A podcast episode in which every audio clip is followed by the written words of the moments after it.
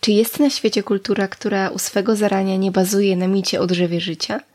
Gdziekolwiek się zwrócimy, w jakąkolwiek stronę świata i w jakikolwiek czas się udamy, zawsze znajdziemy tam motyw drzewa, który jest początkiem życia, łącznikiem między światami, rodzajem kosmicznego wspornika niebios. Taką oś świata zwie się Axis Mundi. Pisze w swojej książce gościni dzisiejszego odcinka podcastu. Cześć, tu Joanna Pachałko, a to jest podcast Babka Natura o świadomym życiu blisko natury i o wrażliwości na otaczający nas świat.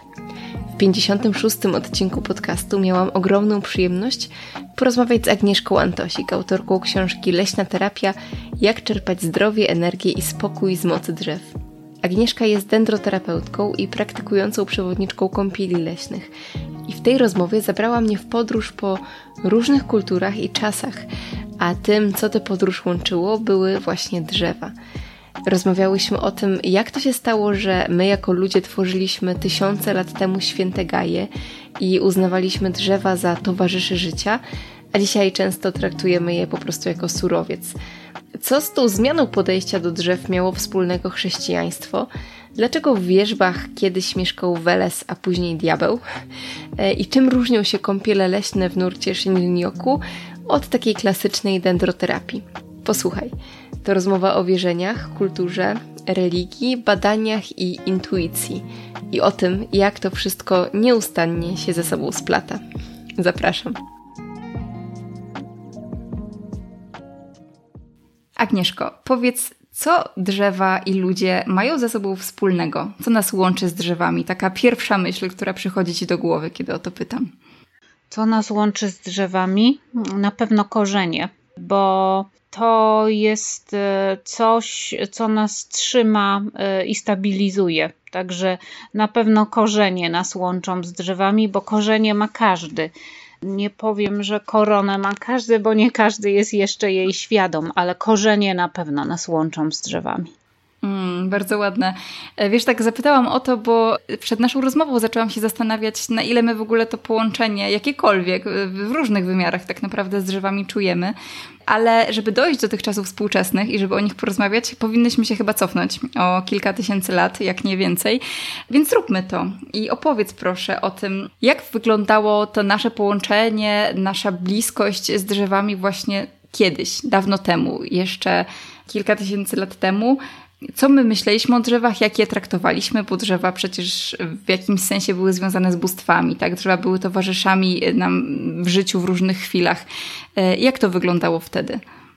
No właśnie, to rzeczywiście musimy się cofnąć wyobraźnią, żeby to poczuć y, i zobaczyć oczami wyobraźni te dawne czasy, gdy nie było jeszcze y, żadnych budynków, y, a już na pewno nie było żadnych wysokich budynków. Jeszcze jesteśmy przed czasami strzelistych kościołów gotyckich i przed czasami wieżowców i drapaczy chmur.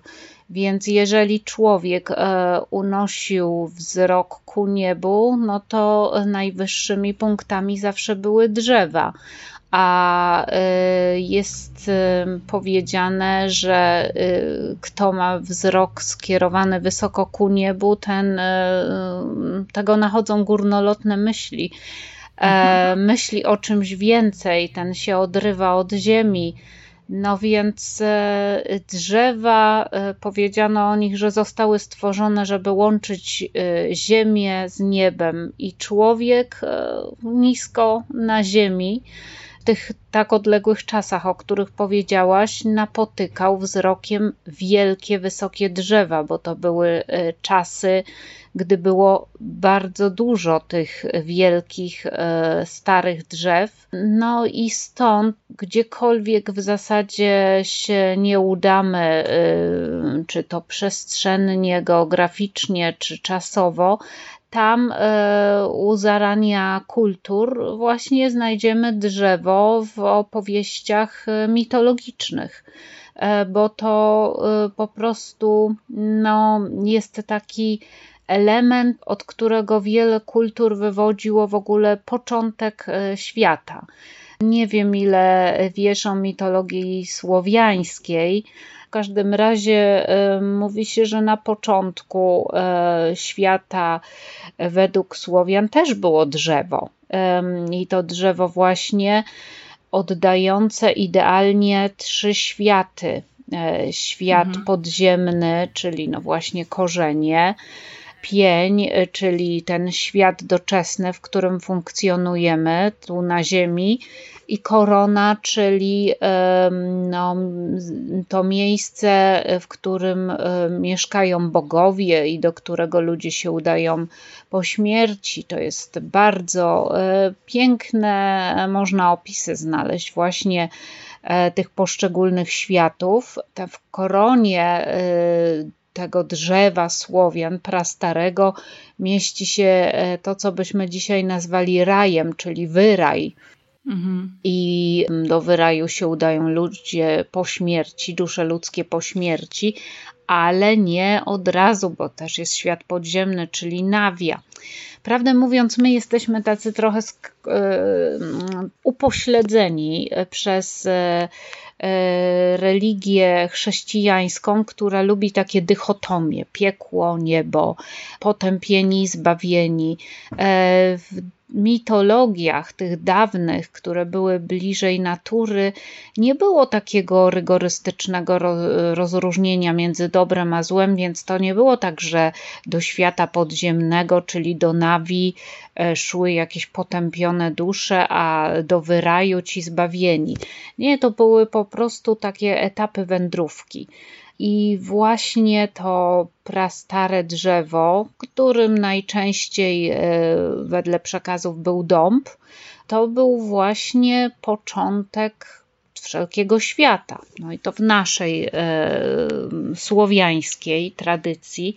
No ale też wszyscy znamy doskonale e, Yggdrasil, e, czyli e, drzewo e, z mitologii skandynawskiej mitologia skandynawska, też nie wiem ile o niej wiesz, ale to jest jedna z takich bardziej spektakularnych, jeżeli chodzi o wszelkie okropieństwa e, mitologii.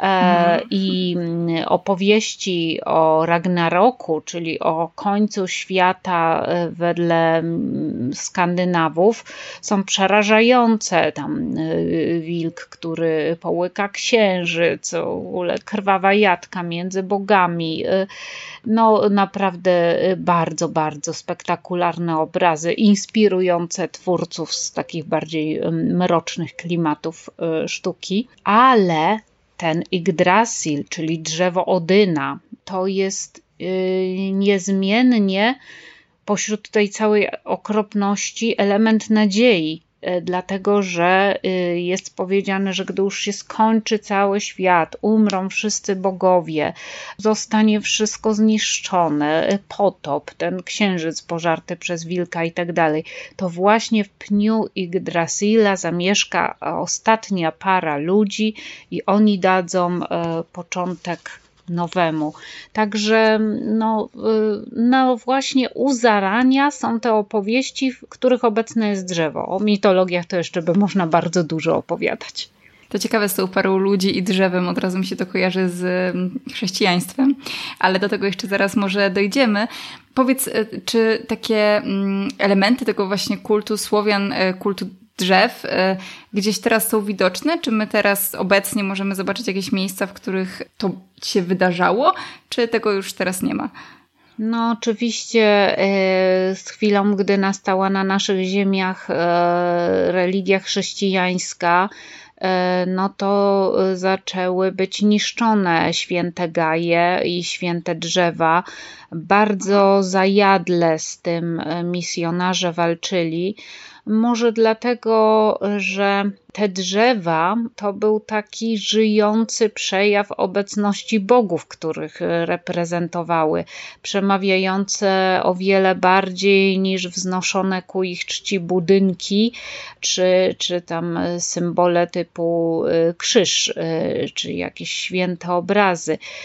No, drzewa jesteśmy w naprawdę odległych czasach, to te drzewa były potężne, mocne, silne i one dawały ludziom e, no, taki taką siłę do oporu przeciw tej nowej religii, więc no niestety y, nie, nie ostały się święte drzewa. Chociaż ostało się co i, to i owo w kulturze, ale to może potem o tym jeszcze poza jednym miejscem w Europie, o y, którym ja piszę w swojej książce. I to jest, y, to było dla mnie cudowne odkrycie, gdy się o tym dowiedziałam, że stosunkowo niedaleko od nas e, jest republika, która się nazywa El Mari, to jest na terenie byłego Związku Radzieckiego i żyją w niej ostatni poganie Europy, ale nie żadni neopoganie, bo teraz jest dużo ruchów neopogańskich, tylko prawdziwi poganie, którzy oparli się chrystianizacji. I właśnie jednym z ważniejszych elementów ich religijności jest właśnie kult drzew Nigdy się udamy do Republiki El Mari, co jest możliwe. Świetnie to opisał e, Konstanty Usenko w swojej książce Wykresy fal środkowej Wołgi. On tam był e, i wszystko na własne oczy widział i opisał. To spotkamy do dziś istniejące święte gaje e, i czczone święte drzewa. Także jest jeszcze takie miejsce w Europie. Pięknie. E, wspomniałaś już o chrześcijaństwie. Jeszcze e, na chwilkę ja chciałabym odsunąć ten temat i zapytać Cię jeszcze o drzewa jako towarzyszy naszego życia, bo z jednej strony właśnie drzewa były związane z bóstwami, ale z drugiej one nam towarzyszyły też po prostu w różnych chwilach, w różnych momentach. Mi zapadł w pamięć z Twojej książki to, jak pisałaś, że na przykład czarny bez e, chronił domostwa, kiedy sadzało się go przy domostwach albo rósł przy, przy naszych domach. To było ciekawe, bo ja e, dosłownie kilka miesięcy temu nieświadoma tego e, zasadziłam czarny bez przed moim domem, centralnie przed moim domem, więc bardzo mnie to zaskoczyło, że może gdzieś jakaś pamięć e, we mnie była. E, I, I, po prostu intuicyjnie, intuicyjnie poczułam to, że warto byłoby mieć czarny bez przed domem. Jakie jeszcze drzewa nam towarzyszyły w inny sposób? Jak już wspomniałaś o tym czarnym bzie, to jest bardzo ciekawe, bardzo fajnie, że, że tak to właśnie intuicja ci podpowiedziała, żeby chcieć mieć koło domu czarny bez. E, mnie to zabawnie się skojarzyło, bo e, ostatnio siedziałam na takim pikniku czytelniczym, właśnie jako autorka swojej książki, i podeszła do mnie pani, która zobaczyła okładkę i mówi: Ojej, czy to będzie coś o y, tym, co przekazują drzewa, bo ona chciała na swojej działce usunąć czarny bez, a szwagierka jej zakazała, że ma absolutnie tego nie robić, bo to bardzo źle będzie. Także niby, niby to było tak dawno temu, ale jeszcze gdzieś w pamięci ludzi ciągle to trwa. No rzeczywiście były drzewa towarzyszami. Oczywiście no nie możemy y, naiwnie sądzić, że wszystkie drzewa, no bo tak samo y, jak my y, używamy dziś drewna, no tak samo jeszcze w większym stopniu nasi przodkowie go używali, ale były rzeczywiście pewne drzewa nietykalne. I to y, nie były tylko drzewa w świętym gaju, na te w sposób oczywisty były nietykalne. Mm, tam nawet listka nie można było urwać bezkarnie, ale mm, były drzewa właśnie, z którymi ludzie byli związani poza świętym gajem, bo one się czymś wyróżniły. No, na przykład dąb rażony piorunem e, stawał się dębem e, świętym. Może ludzi zdumiewało to, że drzewo dotknięte tak potężnym ciosem trwało niewzruszone, no ale taka jest właśnie siła dębu drzewa o jakichś nietypowych kształtach, y, często też y, były traktowane z respektem i szacunkiem po prostu kiedyś religijność ludzi e, była zupełnie inna niż ta religijność chrześcijańska.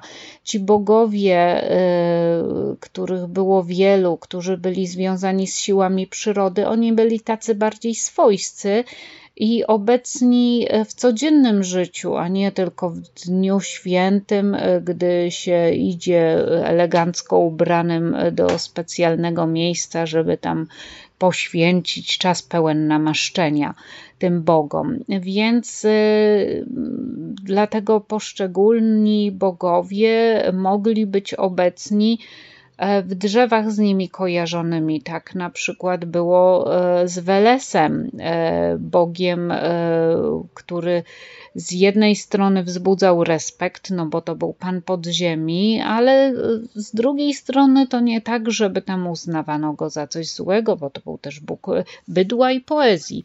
E, mhm. więc e, na przykład kojarzono e, z nim e, olchy, no bo olchy rosną e, na moczarach, na bagniskach, takie miejsca, które trochę y, ludzi onieśmielały, trochę ich się bali, a jednocześnie było się po co tam udawać, no bo na moczarach na przykład rosną zioła zupełnie gdzie indziej, takie, takie, których gdzie indziej nie znajdziemy. W związku z tym poszczególne drzewa e, zyskiwały e, jakieś tam skojarzenia, jakąś sławę, dobrą, złą. No, na przykład były drzewa zawsze jednoznacznie łaskawe i dobre, i za takie uznawano na przykład lipę. Dlatego lipa, no, kojarząca się z samą hojnością, łagodnością, ona była drzewem, które bardzo chętnie ludzie mieli koło siebie, bo uznawano, że ona daje ochronę i wsparcie, że lipa jest tak łaskawa, tak potężna, że obroni przed y, wszelkim złem. No a bronić trzeba było wielu rzeczy: y, źródeł, studni, y, domostwa, więc taką lipę sadzono, żeby strzegła. Ludzie też też sadzili drzewa z przyczyny y, narodzin dziecka i takie drzewo zostawało towarzyszem na całe życie. Nie wiem, czy kojarzysz e, powieść czy film Konopielka.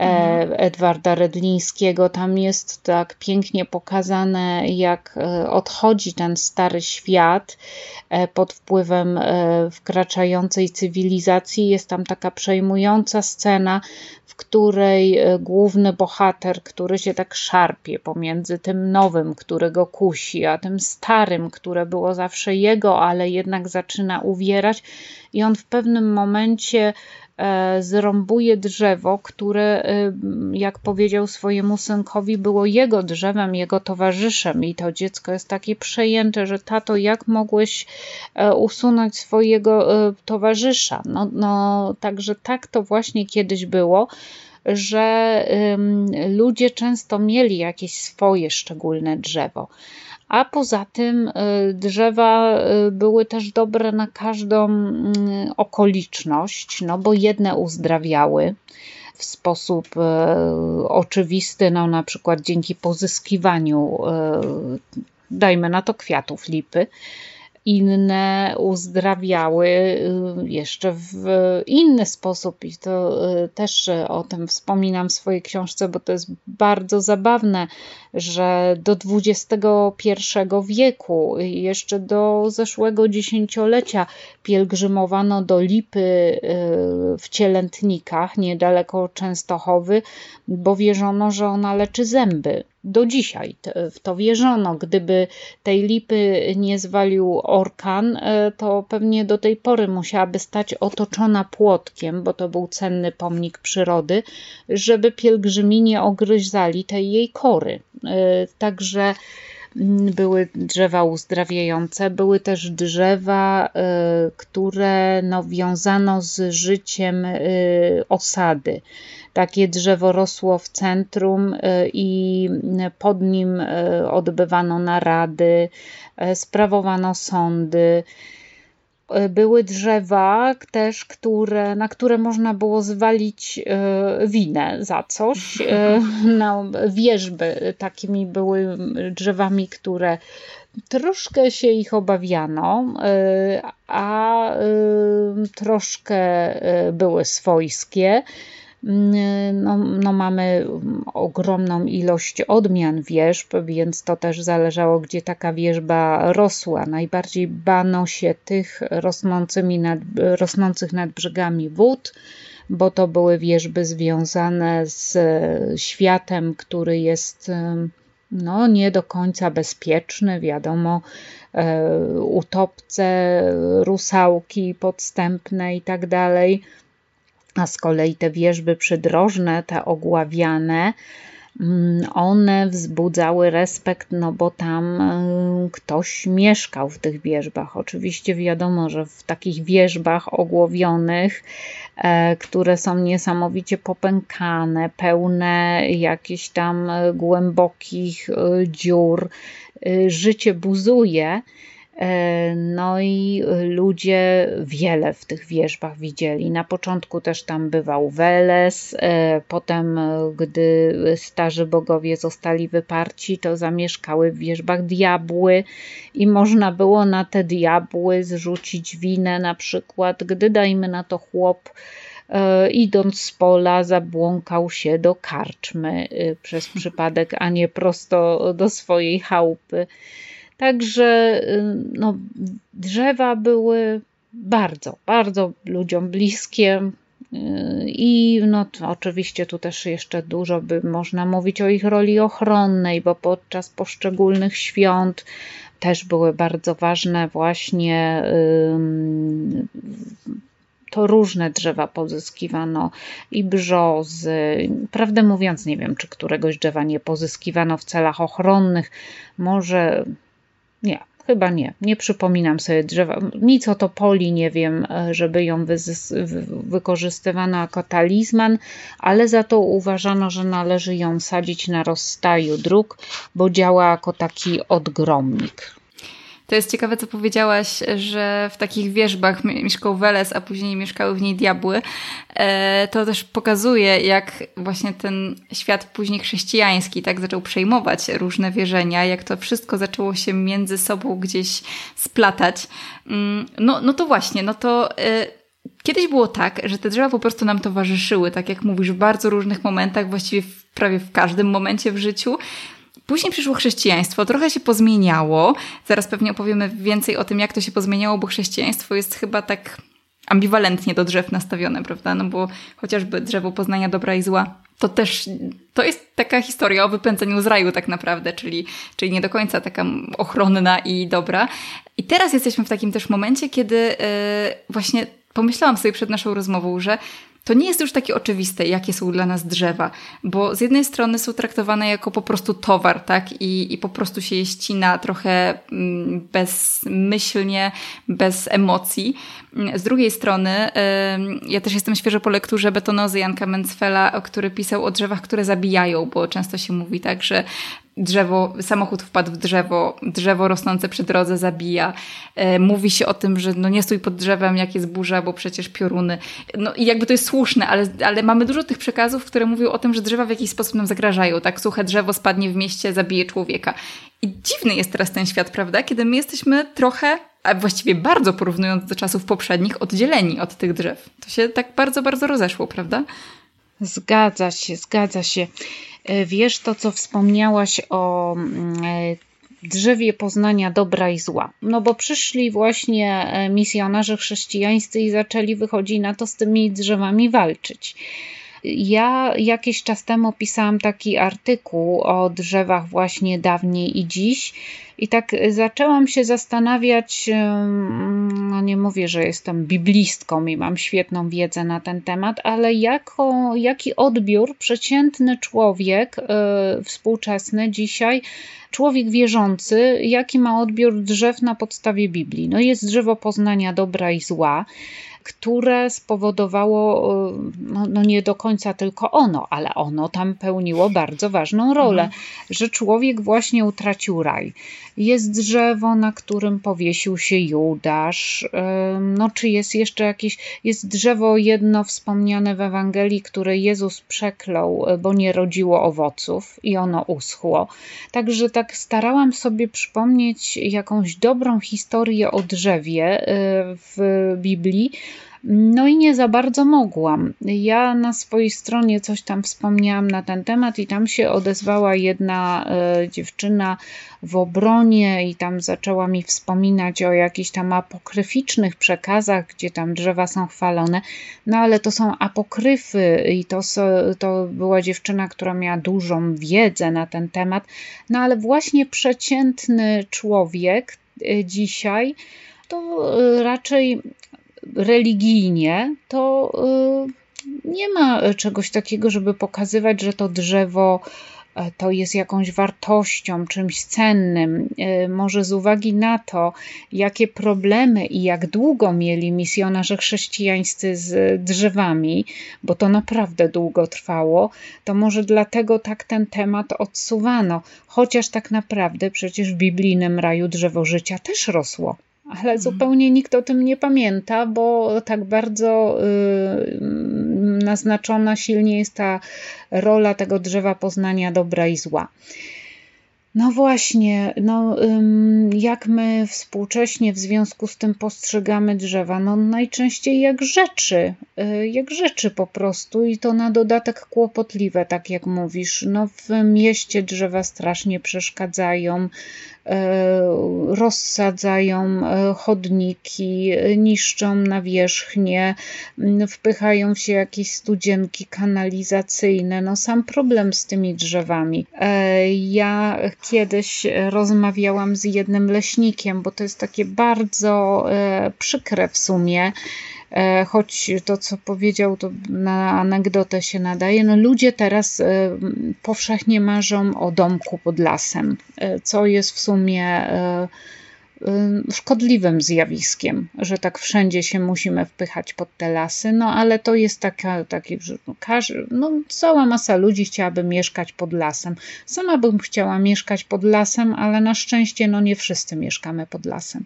W każdym razie on mi opowiadał o czymś takim, że w jakimś właśnie takim osiedlu willowym, leśnym, E, ludzie się tam zamieszkali i potem oni odbierali w nadleśnictwie telefony że na ze skargami, że na posesję liście lecą. E, no więc mhm. e, kolejny kłopot z drzewami. U mnie w miejscowości i w okolicach cztery lata temu już bodajże przeszła potężna nawałnica i to było naprawdę straszne. Zniszczenia e, się tutaj dokonały w drzewostanie. To, to jest nie do, nie do odrobienia za naszego życia. I spotkałam się z osobą, która patrząc na to, co się stało w jej ogrodzie, powiedziała: No, nareszcie mi się zwaliło to drzewo, już mi prościej będzie kosić, bo zawsze musiała je omijać z kosiarką. Także, no, y, z jednej strony powszechnie y, można by odebrać, że rzeczywiście te drzewa stały się rzeczą, stały się towarem, ale mm, na szczęście, e, odkąd ja zaczęłam zajmować się tym, czym się teraz e, zajmuję, e, odkąd się ujawniłam jako drzewolubka, to zaczęłam się upewniać w tym, że jest masa ludzi, która tęskni za tym, żeby było inaczej to jest coś, czego ludzie się wstydzą, ale na przykład y, lubią y, usłyszeć, że ktoś też tak ma jak oni, że jednak y, za tymi drzewami i za innym spojrzeniem na nie się tęskni.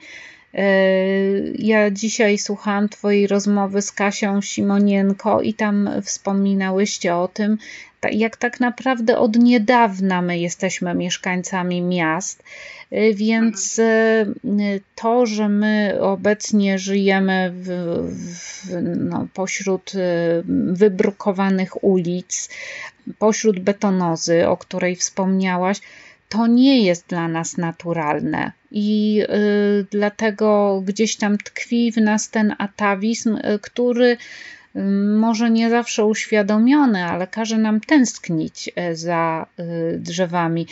Jeżeli przewijają się jakieś ładne obrazki w sieci, to, to tam zawsze są drzewa, czy, czy nie wiem, jakieś ładne plenery filmowe, to tam też są drzewa.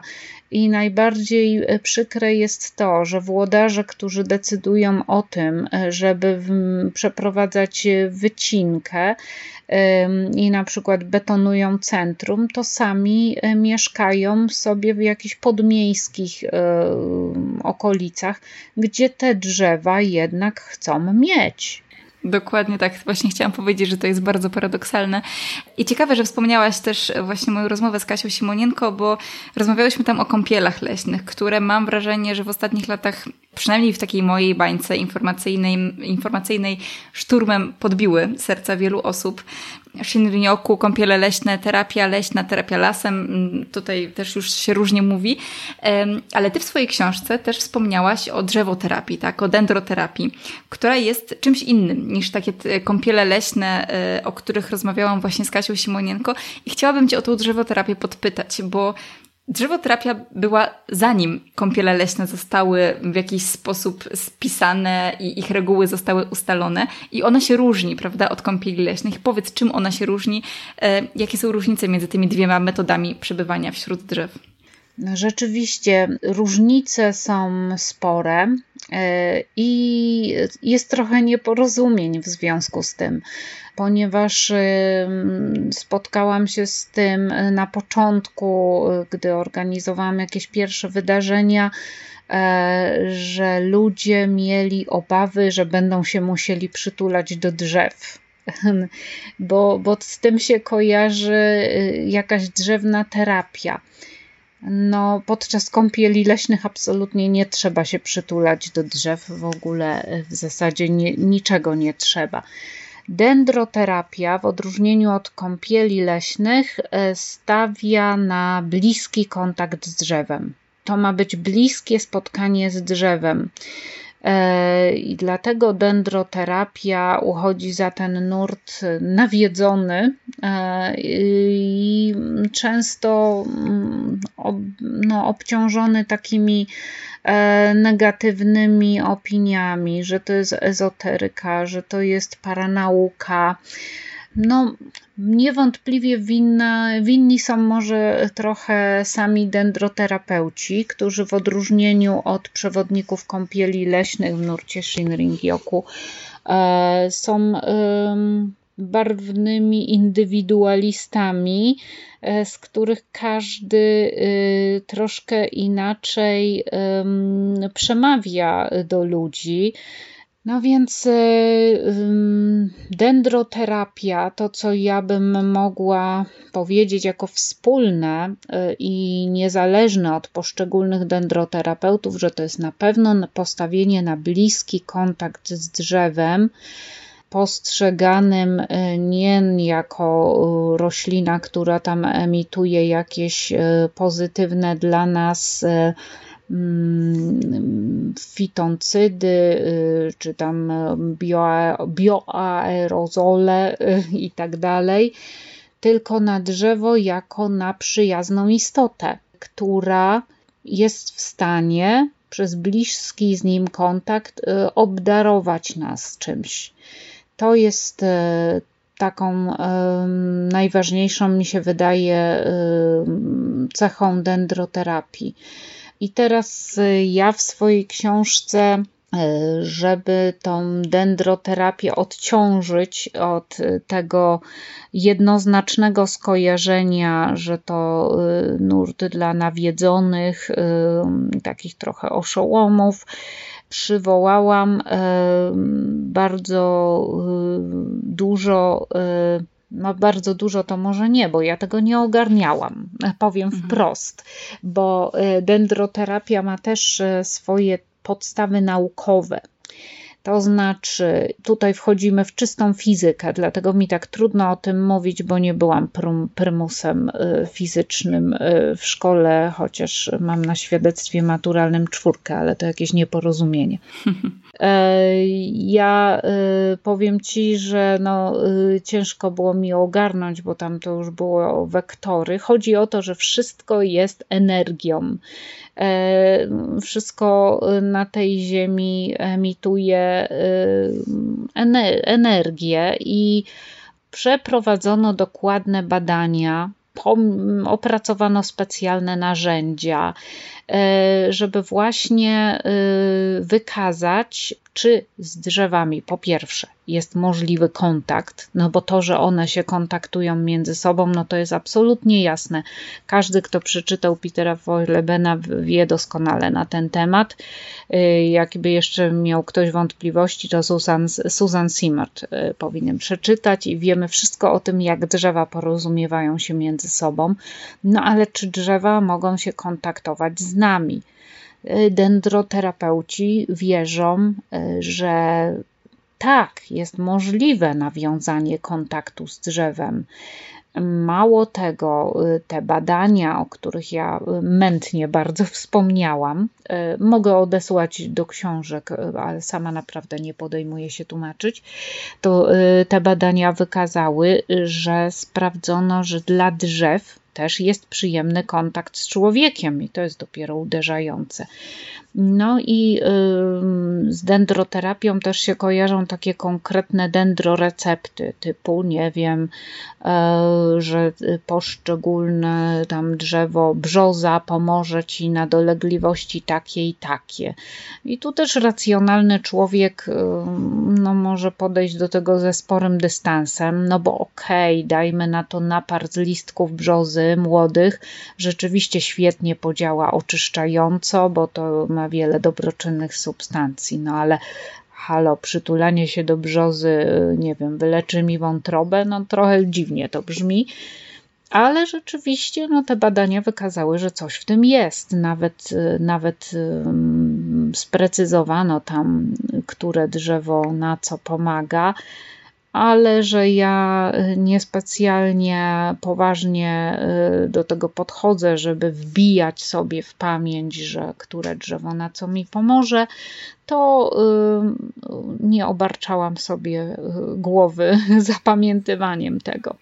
No właśnie, ale tak y, teraz z Twoich słów, kiedy ktoś by Cię słuchał, by wynikało, że Ty jesteś mm, dosyć sceptyczna, jeśli chodzi o dendroterapię, ale nie do końca tak jest, prawda? Bo mówisz, że nie zwracałeś sobie tym głowy, ale nie robiłaś tego dlatego, że Ty inaczej do tego podchodzisz, prawda? Że Ty po prostu bardziej kierujesz się intuicją, jakimś wewnętrznym odczuwaniem drzew, opowiedz trochę o tym, że jak ty to łączysz, co ty bierzesz dla siebie z tej dendroterapii i co też może przekazujesz osobom na kąpielach leśnych, jeżeli są z tobą, albo, albo nie przekazujesz, nie wiem, nie wiem właśnie, czy, czy to stosujesz u siebie też w pracy.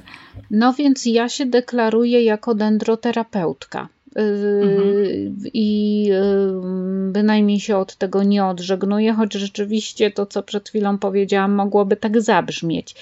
E, dlaczego deklaruję się jako, jako dendroterapeutka? Ponieważ nie mam najmniejszych wątpliwości, że mam żywy kontakt e, z drzewami i że robi mi e, dobrze bliski kontakt z tymi drzewami. A rzeczywiście, no to co wspomniałaś, intuicja. U mnie to jest klucz. E, ponieważ u mnie ta historia się zaczęła, gdy ja byłam małą dziewczynką i ja wtedy bladego pojęcia nie miałam o czymś takim jak dendroterapia. Ja nawet wtedy słowa terapia nie znałam, ani nawet nie miałam świadomości, że jest mi coś takiego potrzebne. A rzeczywiście było tak, bo mm, to moje dzieciństwo nie należało do takich e, najbardziej e, no, wymarzonych, ponieważ no, wtedy jeszcze o tym nie mówiono, o zaburzeniach y, typu, nie wiem, y, autyzm, zespół Aspergera. Ja o tym się dowiedziałam dopiero jako matka y, dziecka z Aspergerem i wtedy y, otworzyło mi to y, bardzo szeroko oczy na pewne rzeczy na temat siebie samej, właśnie tego swojego trudnego dzieciństwa. Ja miałam to szczęście, że y, będąc takim dość samotniczym dzieckiem, miałam ten przywilej, że spędzałam bardzo dużo czasu wśród drzew, ponieważ mój tata miał sad, ale to był taki sad dawnym stylu, a nawet mm, bardziej zdziczały niż sady wtedy bywały, ponieważ e, tam e, kiedyś e, ktoś zapragnął z rodziny, a konkretnie też i mój tata, posadzić choinki, żeby mieć choinkę na gwiazdkę.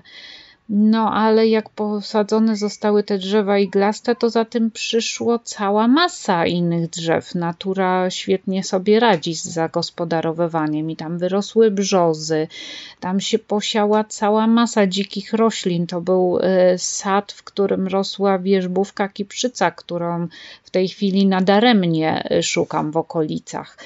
Także y, ja, y, jako mała dziewczynka, odkryłam tak zupełnie niechcący, jak wspaniałe i zasilające było właśnie takie rozmawianie z drzewami, bo ja rozmawiałam z drzewami. Oczywiście strasznie się tego wstydziłam i się bardzo kryłam i się przyznałam do tego jako bardzo, bardzo już dorosła osoba, i więc y, ja nie mam wątpliwości, że y, kontakt z drzewem bardzo zasila i wspiera, i pomaga, i uzdrawia, ale y, nie uważam, żeby konieczne było zapamiętywanie, że nie wiem, pójdę do Buka, a on mi pomoże na to zwłaszcza, y, że jestem bardzo wyczulona na różne ściemy, y, które się ludziom teraz powszechnie serwuje.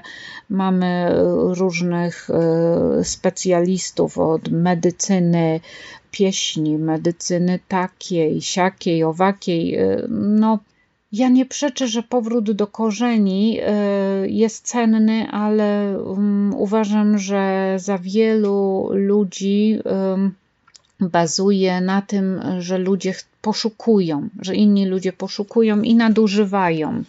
Więc dlatego sama jestem ostrożna właśnie z takimi przekazami yy, i nie serwuję ludziom czegoś takiego, że nie wiem, yy, Bóg ci yy, uleczy migreny, bo, bo, bo jest, chociaż czytałam takie przekazy, ale naprawdę no, nie, nie podchodziłabym do tego serio i zawsze to staram się zaznaczać, jak o tym piszę. Bardzo, bardzo ufałabym intuicji. Ja, jeżeli, jeżeli zapytałaś o to, jak to robię w trakcie spotkań, które sama organizuję, ja sama organizuję kąpiele leśne kąpiele leśne, nie dendroterapię. Dlaczego? Ponieważ kąpiel leśna y, to jest y, coś, co do czego nie ma y, najmniejszych wątpliwości. Każdy, niezależnie od tego, w co wierzy, idąc do lasu i przebywając w nim przez dłuższy czas, otwierając właśnie te zmysły, które na co dzień zaniedbujemy, izolując się od rozpraszających czynników. Każdy y, dozna tego dobrodziejstwa kąpieli leśnych i co do tego nie ma wątpliwości. Natomiast y, nikomu nie zagwarantuje, Y, że y, zorganizuję wydarzenie, podczas którego, nie wiem, zabiorę go do bukowego lasu i on się skontaktuje z bukami, y, bo no, no, mm, traktowałabym to jako solidne nadużycie. Tak naprawdę, w moim odczuciu, ale to tylko moje odczucie. Inni dendroterapeuci mają prawo y, to przekazywać inaczej, bo, bo może inne jest ich doświadczenie. W moim odczuciu e, moja dendroterapia jest dla mnie, bo to musi być naprawdę osobisty e, kontakt z drzewem. Uważam, że to nie jest coś, e, czego mm, człowiek jest się w stanie nauczyć albo co ktoś jest go w stanie nauczyć.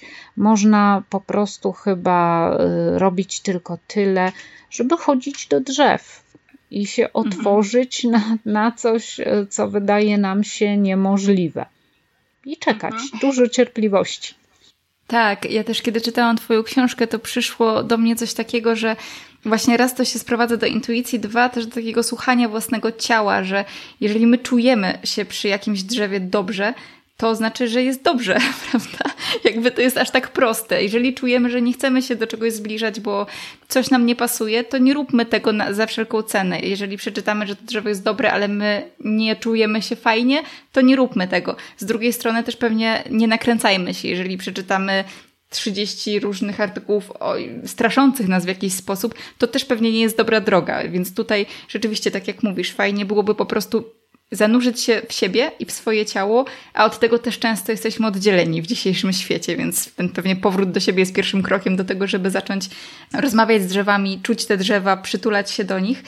I już tak powoli zmierzając do końca, jeszcze o tej rozmowie z drzewami chciałabym z Tobą chwilę właśnie pogadać, bo Ty dużo razy już nawet w tej rozmowie, ale też w książce mówiłaś o racjonalistach, o osobach, które potrzebują takich twardych dowodów. Ja też mam takie wrażenie, że mm, teraz jest trochę taki trend, że jeżeli nie poprzemy naszej wypowiedzi takimi słowami, że e, badania udowodniły, że albo zostało udowodnione, albo um, ostatnio naukowcy stwierdzili, że to nasza wypowiedź ma jakby niższą wartość. I trochę trochę mnie to męczy osobiście, bo właśnie fajnie chyba byłoby gdzieś otworzyć się po prostu na różne doświadczenia. Nie wiem, jak ty to czujesz, bo właśnie ta leśna terapia z takim w połączeniu z taką dendroterapią indywidualną może być fajnym momentem, żebyśmy sami w ogóle siebie zaczęli słuchać, prawda? Niekoniecznie naukowców. Choć ich, choć ich również. Zgadza się właśnie, bo tu chodzi, e, bardzo dobrze to ujęłaś, o odzyskanie połączenia ze swoim ciałem to, to jest chyba właśnie istotą, ponieważ mm, tak naprawdę, no to też by można iść daleko y, kulturowo. Nas nauczono y, wstydzić się y, słuchania naszego ciała. Nas nauczono, że nie należy, że, że my musimy się poprawnie zachowywać. E, stąd e, właśnie takie oderwanie współczesnego człowieka mm, i od intuicji, e, i właśnie od tego, co, czego nie da się racjonalnie udowodnić. Także no, no to jest bardzo trudne i dlatego właśnie ludziom trudno jest puścić to. I, i poczekać, poczekać i właśnie dać, dać dojść do głosu temu, y, co nas pokieruje poza naszą głową. No to jest takie, to jest bardzo trudne, ale to jest do zrobienia. To jest do zrobienia. No tylko no właśnie tutaj takie najtrudniejsze jest to, że na to nie ma przepisu. Mi się skojarzyło teraz zupełnie coś innego, bo ja y, dla czystej przyjemności y, zajmuję się robieniem motanek. E, no to, to jest coś, co ja robię, y, gdy poczuję, że chcę komuś podarować, albo jest jakaś okazja, żeby zrobić to dla siebie. No i y, kiedyś dla y, mojego zaprzyjaźnionego kręgu kobiet y, zrobiłam takie spotkanie. Jedna z koleżanek tak bardzo chciała przepis, żebym jej powiedziała po kolei dokładnie co i jak. No, nie zawsze jest na wszystko przepis i, i w tym rzecz. Także właśnie to y, jest teraz takie najtrudniejsze, że my mm, potrzebujemy właśnie, y, żeby nam to ktoś usankcjonował, y, żeby wymierzył, żeby, żebyśmy mogli usprawiedliwić to swoje zachowanie, że my na przykład się przytulimy do tego drzewa. No, bo to jest ciągle jeszcze no, rzecz wstydliwa albo wzbudzająca sensację. No trudne to, trudne to tak naprawdę. Tak, ale ciekawe, prawda, że no właśnie, przytulając się do drzewa, my gdzieś mamy z tyłu głowy, że no to głupie jest przytulać się do tak naprawdę no czegoś, co jest jakaś ściana, prawda? Jeżeli my uznajemy drzewa za istoty, które mm, nie żyją w jakiś sposób, bo tak też nam zostało wtłoczone do głowy, no to to jest przecież głupie. I właśnie lepiej się czujemy, jeżeli e, gdzieś możemy zacytować wtedy badania, że no ja tu wdycham fitoncydy i wszystko jest w porządku. Także rzeczywiście jest to pewnie gdzieś przestrzeń do refleksji. Ja też myślę, że dla mnie również, tak, no bo, bo jakby każdy z nas pokonuje sobie w sobie te bariery nieustannie. I, i to na ile sobie pozwolimy, no to też zależy od nas, ale e, fajnie, że też o tym powiedziałaś, że warto po prostu czasami puścić i z jednej strony podążać za jakimś przepisem, a z drugiej zobaczyć, co gdzieś się kryje, jeżeli zrobimy może krok w bok. E, I to też Twoja książka, mam wrażenie, bardzo dobrze pokazuje i, i daje tu taką przestrzeń na myślenie o tym, czym tak naprawdę są dla nas drzewa. Także ja Twoją książkę też jakby z serca bardzo polecam. Bardzo czułam to, co w niej piszesz. No dobrze, Agnieszko, to powiedz już na zakończenie w takim razie, e, gdzie można e, po pierwsze Cię znaleźć w internecie, jeśli chciałby ktoś mm, poczytać, co piszesz, albo e, spotkać się z Tobą, bo masz teraz dużo takich spotkań również offline. I no przede wszystkim tak, gdzie Cię śledzić i, i jak Cię złapać. Ja, ja jestem tylko na Facebooku ponieważ no, chociaż usilnie jestem namawiana na Instagram, nie ogarniam, e, ponieważ e, czułabym się w takiej jakiejś sprzeczności, że namawiając e, ludzi do oderwania się od mediów społecznościowych i wyjścia ku naturze, sama tak dużo siedzę w internecie. I tak siedzę w internecie, no bo inaczej też nie byłoby tej książki i tego wszystkiego co się teraz wydarza. Na Facebooku jestem e, znana jako szepcząca z drzewami i tam e, piszę, na co mam ochotę e, ponieważ ja z premedytacją nie profesjonalizuję tej swojej pasji. To jest tylko dla radości, przyjemności i z wdzięczności wobec drzew a y, z racji rzeczywiście, że teraz y, stosunkowo niedawno się ta moja książka ukazała, czerwiec był bardzo intensywny w spotkania, w lipcu właśnie jutro jadę umawiać się, będę może organizowała jakieś wydarzenie typu kąpiel leśna i w sierpniu też, ale to będzie w moich okolicach, czyli Wielkopolska, no ewentualnie Kujawy. A co dalej czas przyniesie, to jeszcze zobaczymy. Dobra, super. Ja mam nadzieję, że nam kiedyś się też uda spotkać offline i bardzo dziękuję Ci za rozmowę.